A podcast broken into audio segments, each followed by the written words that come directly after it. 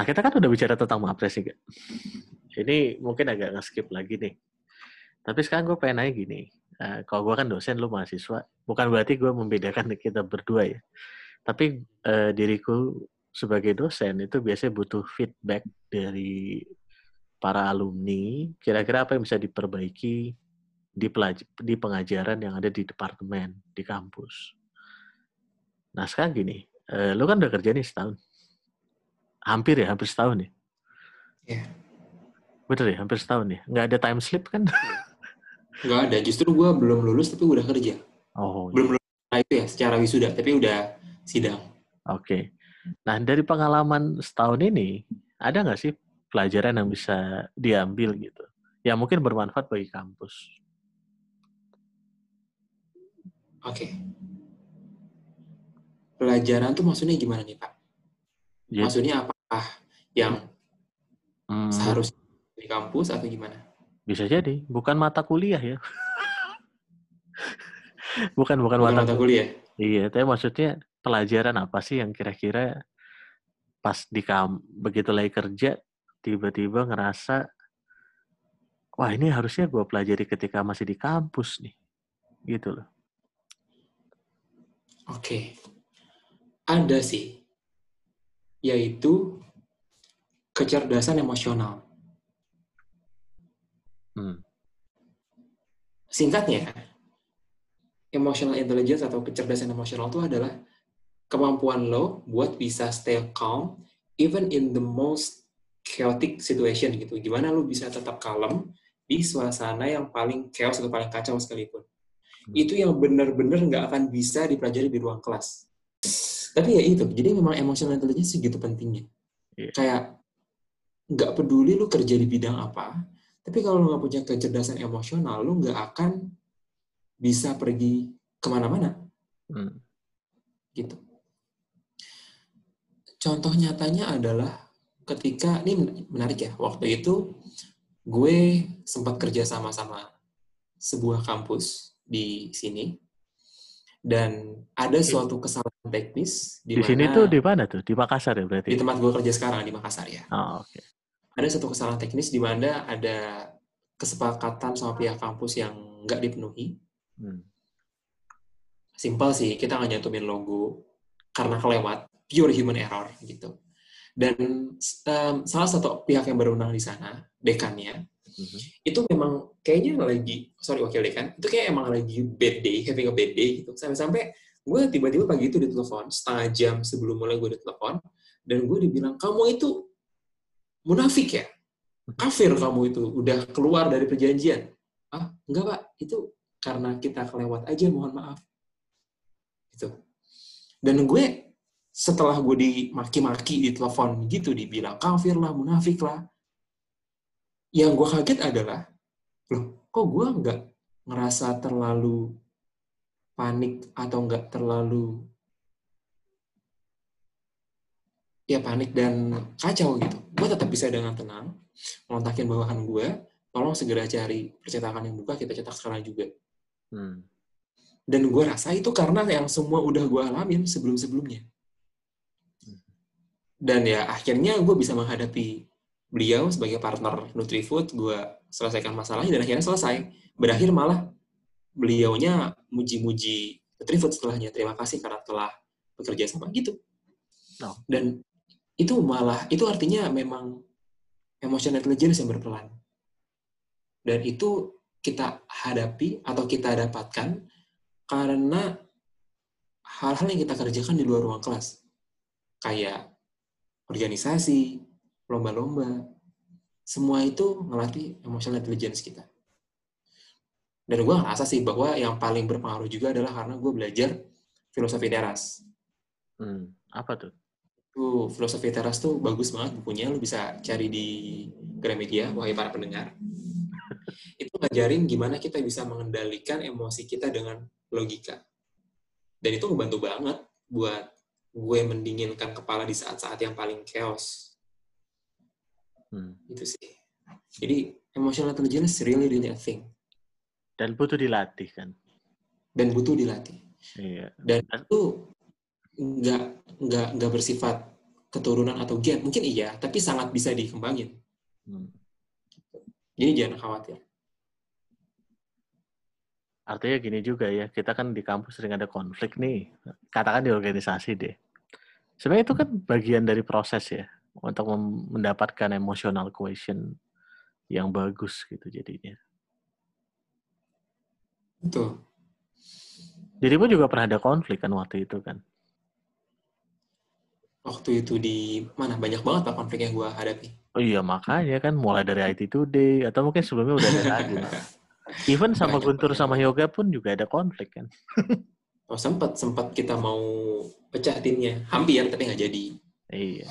Artinya kan semua yang dilakukan tadi itu kan juga dalam artian konflik mungkin perlu, tapi dalam artian bagi itu jadi latihan gitu, latihan bagi kita untuk merespon. Oh kita tuh ternyata kalau ada konflik responnya begini, harusnya gimana Betul. gitu jadinya. Dan nah, karena kan ada uh, ada juga orang yang ini kan yang menghindari konflik sama sekali. Dan, dan malah akhirnya jadi denial gitu. Iya, tapi bukan berarti nyari konflik ya. jadi ribut gitu ya. Iya, tapi kan kalau ada masalah hadapi aja, gentle aja gitu kan. Dan berhubungan yang itu Pak, emotional intelligence itu adalah suatu prasyarat sih menurut gue buat hal kedua nih yang gue rasa penting di dunia kerja. Itu tadi yang pertanyaan tentang apa sih yang bisa dipelajari di dunia kerja kan. Yang pertama adalah soal emotional intelligence, yang kedua adalah soal problem solving skills. Oh. Itu benar-benar kepake banget di sini. Oke, makanya Pak Rektor juga bilang kan, kita pengen lulusan jadi powerful agile learner gitu. Betul. Kalau diriku nambahin powerful problem solver. Karena kita kebetulan kan di computer science juga. Gitu. Iya, kita yang itu untuk berpikir secara runtut dan iya. mencari akar masalah. Karena memang kelihatan Pak bahwa di sini baik uh, beberapa orang yang gue kerja sama bareng atau beberapa orang yang uh, gue hadapi lah gitu di sini, hmm. itu banyak yang tidak bisa berpikir sampai ke akar masalah. Hmm. Jadi dampak buruknya adalah ini kebiasaan terburuk orang Indonesia. Salah satunya adalah sering kali kita melompat ke kesimpulan begitu mudah. Hmm. Jadi masalahnya belum terlalu jelas didefinisikan, tapi main lompat ke solusi aja. Hasilnya chaos Gitu. Jadi problem solving skills adalah juga hal yang diperlukan buat dipelajari di masa kuliah, meskipun less likely dipelajari di ruang kuliah. Hmm. Gitu. Ya lagi itu di organisasi, di lomba-lomba, di maybe komunitas, hal-hal yang bersifat kemahasiswaan. Iya. Dan tentunya dialog juga ya. Artinya kan dirimu kan juga sering berdialog waktu itu kan dengan orang-orang. Hmm. Itu cuma met itu cuma implementasi di problem solving sih. Tapi untuk cara berpikir itu sendiri itu yang mahal, Pak. Iya. Artinya kan lewat tadi, akhirnya kan tadi kita menjaga kontrol emosi kita juga, dan juga tadi, apa namanya, mikir masalahnya gimana supaya selesai. Hmm. Oke. Okay. Nah sekarang gini, kita lanjut lagi deh. Uh, kalau tadi kan pelajaran ya, kira-kira apa yang menurut lo penting, yang mungkin dulu udah dilakukan, uh, terus ketika di dunia kerja kerasa gitu. Oh iya ternyata ada manfaatnya gitu. Ada nggak sih yang lu nyesel ketika ngeliat diri lu yang sekarang? Nyesel, aduh harusnya ketika di kampus aku melakukan ini gitu. Ini mungkin pertanyaan yang menarik karena kan dirimu mungkin kalau orang lihat mungkin kan apa sih yang disesali dari seorang arga gitu. Tapi ya kita coba apa namanya ada nggak? Ya kira-kira sekarang nyesel gitu. Harusnya di kampus gue melakukan ini. Hmm, ada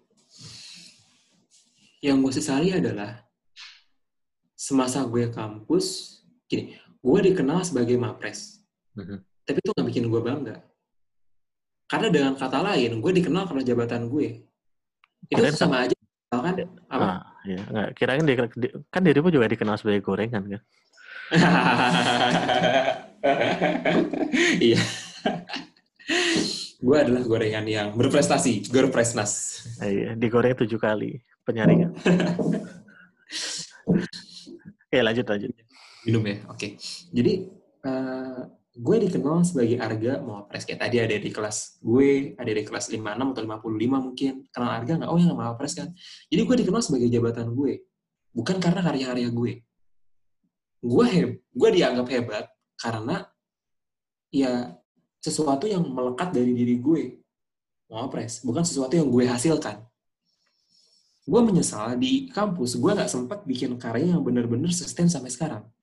Seandainya gue bisa mengulang masa kampus gue, gue akan menseriusi bikin suatu karya yang bener-bener dari hati gue, dengan tim yang tepat, yang bener-bener bisa berkontribusi buat, ya nggak usah ngomong Indonesia lah, terlalu bullshit dalam artian terlalu, wah tinggi banget ngomongnya, buat orang-orang sekitar aja. Hmm. Gitu. Itu yang gak gue lakuin pas gue kuliah karena yang sustain.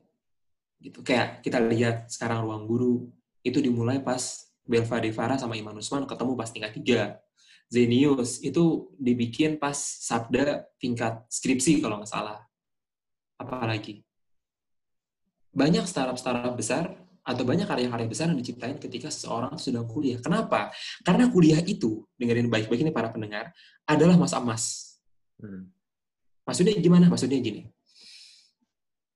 Kita kuliah kebanyakan 4 tahun. Oke? Okay? Dan kebanyakan orang Indonesia itu hidup selama 64 sampai 70 tahun. Maka dengan kata lain, kalau kita persentase ini, usia kita di kampus itu cuma sekitar 5% dari hidup kita. Padahal masa-masa kita di kampus tuh masa-masa yang emas. Karena sebelum kita masuk kuliah, kita itu tidak bebas secara pengambilan keputusan, relatively. Karena kita masih hidup, sebagian besar kita hidup sama orang tua, dikit-dikit keputusan sama orang tua, nggak bebas lah. Nggak bisa ngambil keputusan sendiri. Sementara setelah kita lulus kuliah, oke, okay, memang kita ambil keputusan sendiri. Tapi kita juga terikat secara finansial. Buat nabung buat nikah lah, nabung buat lain-lain lah. Artinya, sebelum kita kuliah, kita ada decision making um, hambatan gitu dan setelah kita kuliah kita ada hambatan finansial. Yang benar-benar relatif free adalah pada saat kuliah. Baik secara pengambilan keputusan maupun secara finansial. Gitu. Itu yang pertama. Yang kedua, yang kedua adalah gini, gue pernah dapat data dari Ristek Dikti ini pernah gue bawain pas gue ngisi nih. Oh, ini dia. Jadi, menurut data ya, sekarang itu ada 261,1 juta jiwa penduduk Indonesia 2018. Uh -huh. Yang di usia pendidikan, yang harusnya dari TK sampai kuliah, itu 88,7 juta jiwa. Yang benar-benar masuk dalam pendidikan, yang benar-benar sekolah dari PAUD sampai SMA, 73,6 juta jiwa. Dan berdasarkan Kemendikbud dari segitu dari 73 juta itu yang bisa ke perguruan tinggi cuma 30 persen ya 22,2 juta jiwa.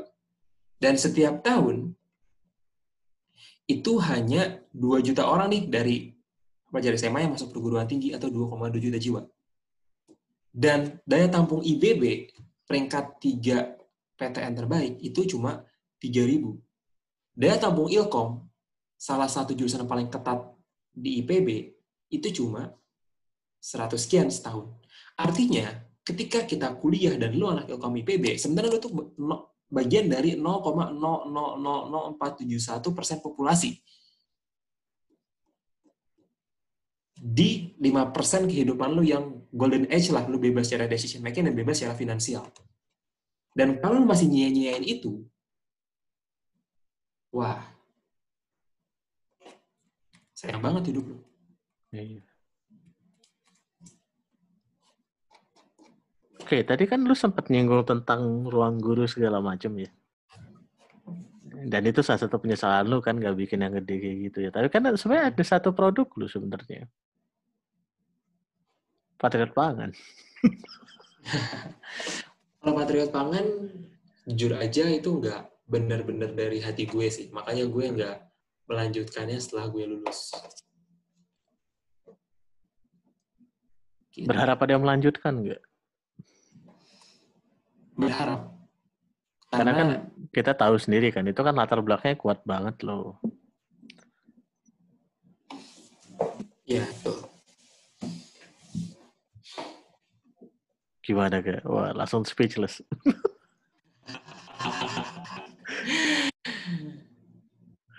ini tuh kayak gini Pak, ibarat hmm. kata ya. Kita tahu bahwa sampah itu adalah hal yang perlu buat diurusi, tapi nggak tiba-tiba kita jadi bikin bank sampah kan. Hmm. Mungkin secara personal kita nggak punya kepedulian yang mendalam sama hal itu. Jadi kayak gitu, bahwa itu adalah topik yang penting buat diselesaikan itu benar. Tapi bahwa gue punya panggilan jiwa ke sana belum tentu. Hmm. Artinya lu punya panggilan jiwa yang lain kan? Betul, yang gue jelasin di awal podcast pertama tadi. Jadi desa kan, kepala desa.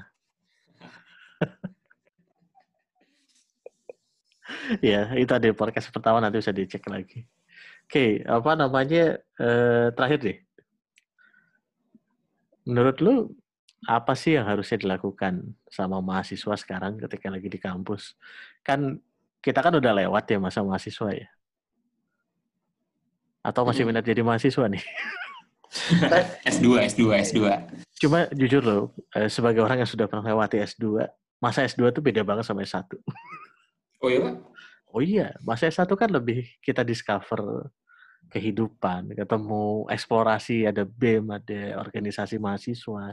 S2 kan murni akademik, kuliah, riset, penelitian. Feel-nya akan beda jauh. Apalagi S3. S3 udah, ya udah riset aja gitu. Jadi hmm. beda banget. Nah, tapi ya balik lagi deh. Kan kita udah nggak bisa kembali ke masa itu gitu. Tapi mungkin yang dengerin ini kan ada yang masih jadi mahasiswa. Gitu. Ada pesan nggak? Kira-kira apa sih yang harus mereka lakukan selama di kampus? Ada. Mumpung mereka masih di kampus. Gitu. Cabut kuliah. Seriusan, lu lupa ada yang masih mahasiswa yang dengerin podcast ini, lu harus habis izin jatah cabut lu tiga kali di tiap mata kuliah. Hmm. Tapi tidak untuk dibuang di kegiatan yang tidak bermanfaat. Hmm. Kayak gaming lah, nonton anime lah, pacaran lah, apa pun itulah. Justru, lu harus manfaatin tiga kali cabut itu buat either ikutan lomba misalkan, mungkin bikin karya lu, bikin pemberdayaan masyarakat misalkan, atau organisasi, atau apa pun yang produktif, yang menunjang dua hal yang gue sebutin di awal tadi, emotional intelligence sama problem solving. Seriusan, karena gini, pernah ada dosen yang bilang ke gue tentang grafik effort sama IPK. Bayangin, yang sumbu X itu adalah effort, dan eh kebalik, yang sumbu X adalah IPK dan sumbu Y adalah effort. Jadi dengan effort yang relatively rendah, kita bisa naikin dari IPK 0 ke dua setengah. Dinaikin lagi, effortnya lumayan, kita bisa dapetin IPK lesnya 3 sampai 3,3 3,5 lah gitu. Mhm. Tapi buat effort butuh effort yang luar biasa besar buat naikin IPK lu dari 3,5 ke 4. Effort dan juga waktu lu perluin banyak banget buat naikin dari tiga setengah ke empat. Mendingan lu habisin buat hal-hal lain yang bener-bener bakal kepake di kehidupan. Gue gak bilang dunia kerja ya, gue bilang di kehidupan. Ya tadi, skill organisasi, skill mimpin orang, skill emotional intelligence, skill problem solving, hal-hal lain yang gak akan lu pelajari di ruang kelas dan lebih relevan sama kehidupan. Ya lu membayar 0,5 IPK lu atau 0,8 juga masih oke okay lah dengan skill-skill yang relevan di abad 21 ini. Dan jawabannya adalah lu harus cabut tiga kali tiap mata kuliah untuk mengejar hal-hal itu. Uh-huh. Karena itulah yang gue lakukan dulu. Oke, okay, jadi tapi intinya bukan cabut dalam artian ini ya, apa namanya? Oh, jangan. Males-malesan gitu kan. Artinya kan ini, ini justru gue kecam banget. Iya. Ini kan justru kan Ya sebenarnya tadi balik lagi sih ya, apa namanya kan tadi ada kebijakan juga dari wakil rektor bahwa 40% boleh, tapi untuk mewakili IPB di kegiatan yang konstruktif gitu. Nah, itu dia. Nah, jadi itulah yang Makin bagus kalau ada kebijakan ya sekarang. Iya, artinya kan carilah pengalaman dari situ gitu. Jadi bukan cabut karena main game atau mungkin telat telat bangun. itu juga telat bangunnya karena apa dulu sih kalau misalkan oh, malamnya iya. lo yang emang produktif banget, itu wajar. Tapi ketika lu telat bangun karena cuma gaming doang, lu nggak usah kuliah deh mendingan. Iya. Artinya tadi ya. Kasarnya ya. gitu. Kasarnya gitu. Artinya tadi sih, apa namanya, memang kita ketika lulus ikutan kuliah, Begitu selesai yang kita lihat kan ijazah sama transkrip kan. Itu kan fisiknya. Padahal sebenarnya dari segi eh, komprehensif kita sebagai manusia, kita kan banyak pelajaran sebenarnya dari situ selama proses perkuliahan ini. Jadi kalau kita cuma fokus ke yang fisik, bukan berarti yang fisik ditinggalin ya. Artinya kan kita tetap kejar coba IPK ada target, tapi jangan cuma ke situ gitu jadinya. IPK tuh gue sikapi seperti ini pas sebenarnya. Jadi kayak buat masuk pintu dunia kerja atau pintu kehidupan, lu perlu IPK yang oke okay memang sebagai kunci pembuka pintu itu. Tapi, kalau misalkan lu masuk pintu itu kagak bawa apa-apa lagi, lu nggak bisa ngapa-ngapain juga, coy. Iya, artinya kan itu tetap harus dikejar. Tapi jangan cuma yeah. ngejar itu aja. Dan jujur aja ya Pak ya, gue masuk Nutrifood, masuk hmm. langsung pegang manajer kota Makassar gitu, Makassar gua Maros. Hmm sampai sekarang ijazah gue masih di rumah. Nggak pernah dibawa. Nggak pernah sama akhirnya sedikit pun. Iya, beda bidang. IPK gue juga nggak dilihat. Ya iya kan udah udah direkomendasi sama CEO. Itu record lah. Iya. Iya, tapi dalam artian kan akhirnya kan pengakuannya ijazah transkrip pada salah satu bentuk pengakuan. Iya, tapi betul. ada bentuk lain, gitu. tapi ada bentuk lain yang juga diakui oleh orang-orang. Jadi apa namanya? Jangan sampai kita hanya fokus ngejar ke yang satu saja. Lagi-lagi kita mencari keseimbangan. punya tapi hidup juga beda-beda sih ya. Ada kita nggak tahu sih. Yang penting tapi pada intinya yang balik lagi ke sikap orang deh sih ada yang IPK-nya tinggi tapi iya dampaknya mungkin nggak kerasa, tapi ada juga yang IPK-nya rendah tapi luar biasa dampaknya. Kita nggak tahu. Nggak tahu kalau dari harga gimana? Soal IPK ya? Uh-uh. IPK itu nggak seharusnya menjadi tolak ukur atas worthiness seseorang. Uh-huh. Kita nggak bisa menilai hidup seseorang hanya dari suatu penilaian yang tidak menggambarkan keseluruhan orang itu. Mhm.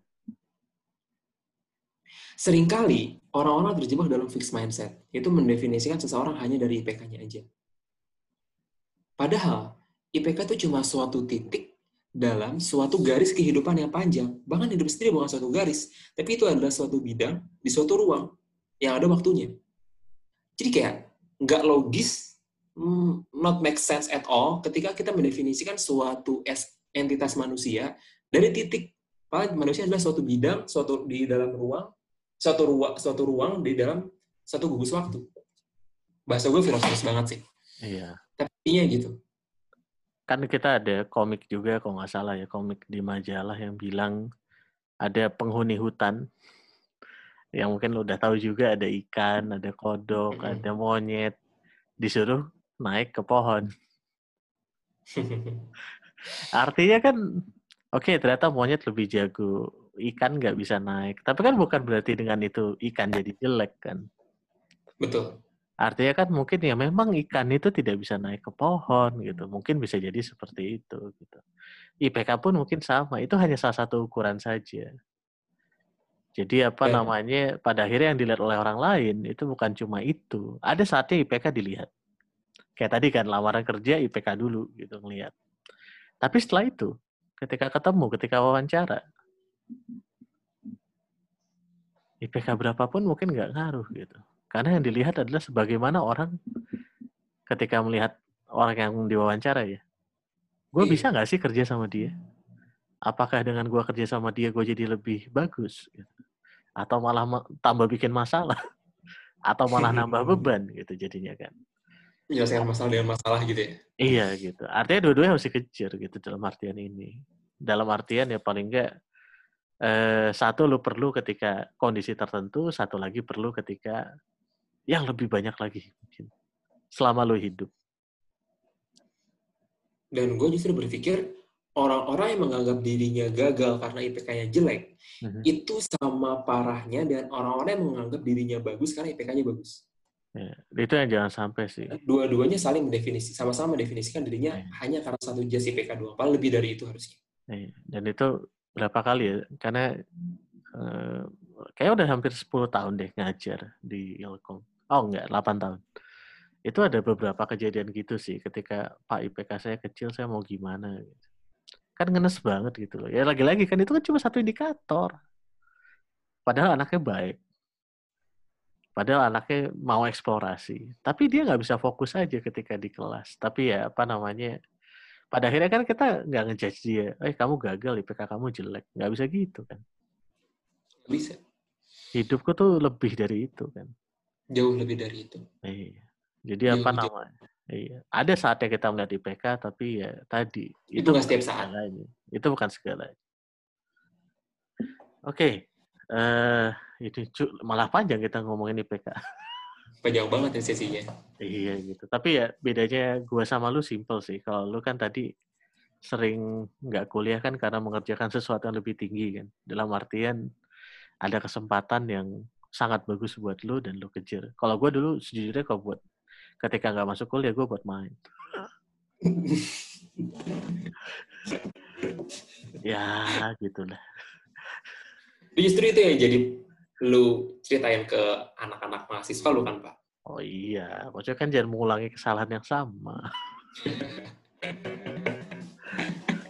Salah satunya gue sih, gue juga belajar dari itu kok. Iya. Oke, eh, kayaknya udah lumayan lama nih. Dan apa namanya ini jadi tiga sesi. Mungkin kita harus segera akhiri podcastnya. Tapi ada nggak yang terakhir yang mau disampaikan dari lu? Mungkin di podcast terakhir aja, Pak. Nutup. Sekarang aja, nggak apa-apa. Tentang apa nih? Serah, pesan terakhir aja buat siapa pun, pendengar, atau mungkin buat departemen atau siapa. Ini pesan terakhir di podcast atau? Iya, iya. Oke. Ada dua sih. Yang pertama buat departemen, Mhm, yang kedua buat para pendengar. mhm. Ini sebagai penutup dari podcast juga. Yang buat departemen, gini, gue percaya bahwa rahasia kenapa ilmu komputer itu bisa maju terlalu jauh ya dibanding departemen lainnya. Itu selain karena lingkungan yang prestatif, karena keberadaan Mulmed sebenarnya. Ini mungkin kedengarannya agak-agak gimana ya? Agak-agak counterintuitif, tapi menurut Malcolm Gladwell nih ya, di bukunya keren banget, Tipping Point, jadi ada namanya teori power of context sama broken windows, bahwa intinya infrastruktur itu bisa memengaruhi behavior seseorang. Bayangin, sesederhana nih dinas kebersihan, ngilangin graffiti di stasiun subway New York, itu bisa ngurangin tingkat kriminalitas New York hingga 2 per 3 dalam waktu 5 tahun. Dari 600 ribu sampai 200 ribu kasus. Itu nggak pernah dilihat dalam sejarah sampai sedrastis itu. Padahal nggak ada perubahan kebijakan, nggak ada perubahan struktur kepolisian atau lain-lain. Cuma ada perubahan penghapusan graffiti. Artinya, perilaku orang-orang itu jadi jelek karena infrastrukturnya jelek di subway atau di kereta api bawah tanah New York. Sebaliknya, kalau infrastrukturnya bagus, behavior orang juga bakal jadi bagus. Dan itulah kenapa Mulmed, gua simpulkan, memengaruhi prestasi anak-anak Ilkom. Karena infrastrukturnya, karena hiasan-hiasan di dindingnya, karena karpet yang bisa dipakai buat tiduran nginep. Karena adanya kulkas yang bisa disimpan makanan sampai bau banget dan akhirnya kulkasnya harus dibersihin. Tapi jujur bukan di itu. Tapi intinya bukan di ruangannya sebenarnya kalau mulmat itu ya, kalau menurut gue. Karena ruangan tuh ada buat buat sesuatu untuk dilakukan. Dan waktu itu yang dilakukan adalah eh, gimana ada satu ruang. Di situ orang-orang bisa masuk, nggak perlu pandang di angkatan berapa, ngobrol. Iya. Jadi awalnya Betul. di situ gitu, ngobrol dengan nyaman, orang jadi betah. Kalau apa namanya ada yang butuh, Pak, kita butuh ruangan mau ngerjain apa ya, udah pakai aja gitu loh. Jadi apa namanya, ya isinya juga oke, tapi fungsinya juga menarik sebenarnya. Karena gini, ketika dulu, ya jujur ya, mungkin ini lagi-lagi membandingkan sih zaman ketika dirimu kuliah sama diriku kuliah ya. Ada masa ketika diriku kuliah, itu kita nggak punya tempat nongkrong. Sehingga Ya kita bingung mau diskusi di mana. Kita itu nongkrongnya di ngampar aja di jalan, di apa di selasar. Kedinginan kedinginan. Apalagi kita ngerjain tugas sampai jam 8 malam, jam 9 malam gitu. Jadi makanya waktu itu mumpung ada satu ruang bisa digunakan, ya udah silakan bagi yang mau pakai. Jadi apa namanya? Ya ini lagi-lagi mungkin kalau dari diriku sendiri ya sebagai dosen ya, lagi-lagi pengen supaya mahasiswa tidak seperti gua gitu. Makanya kalau ada yang bisa dilakukan ya lakukan saja. Jadi ya tadi memang memang ruangannya menarik. Tapi ya tadi esensinya adalah ada satu ruangan bebas gitu. Itu betul. Karena di infrastruktur itu, Pak. Iya, karena dan peruntukan ya. Iya, dan gue lihat ya di departemen lain juga ada loh yang ruangan kayak gitu. Malah mungkin dengan fasilitas yang nggak nggak nggak bagus-bagus amat gitu. Tapi ketika ada ruangan seperti itu, ada media buat, ada tempat yang encouraging buat orang diskusi, buat orang ketemu, ngobrol, diskusi. Ya tadi, dengan ada fasilitas seperti itu, apa pun bentuknya, kepancing. Iya.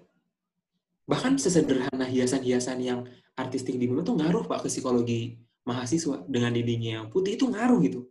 Mungkin iya. departemen-departemen lain mungkin nggak semenarik itu ruangannya dan jadinya ya beda kondisi psikologisnya. Karena yang tadi graffiti aja ngaruh kok buat bikin orang kriminalitas apalagi hiasan-hiasannya cantik. Uh, makanya kita pun juga kan beres-beres ilkom itu ya mungkin kalau sekarang namanya konglong ya itu kan dulu nggak ada. Iya makanya.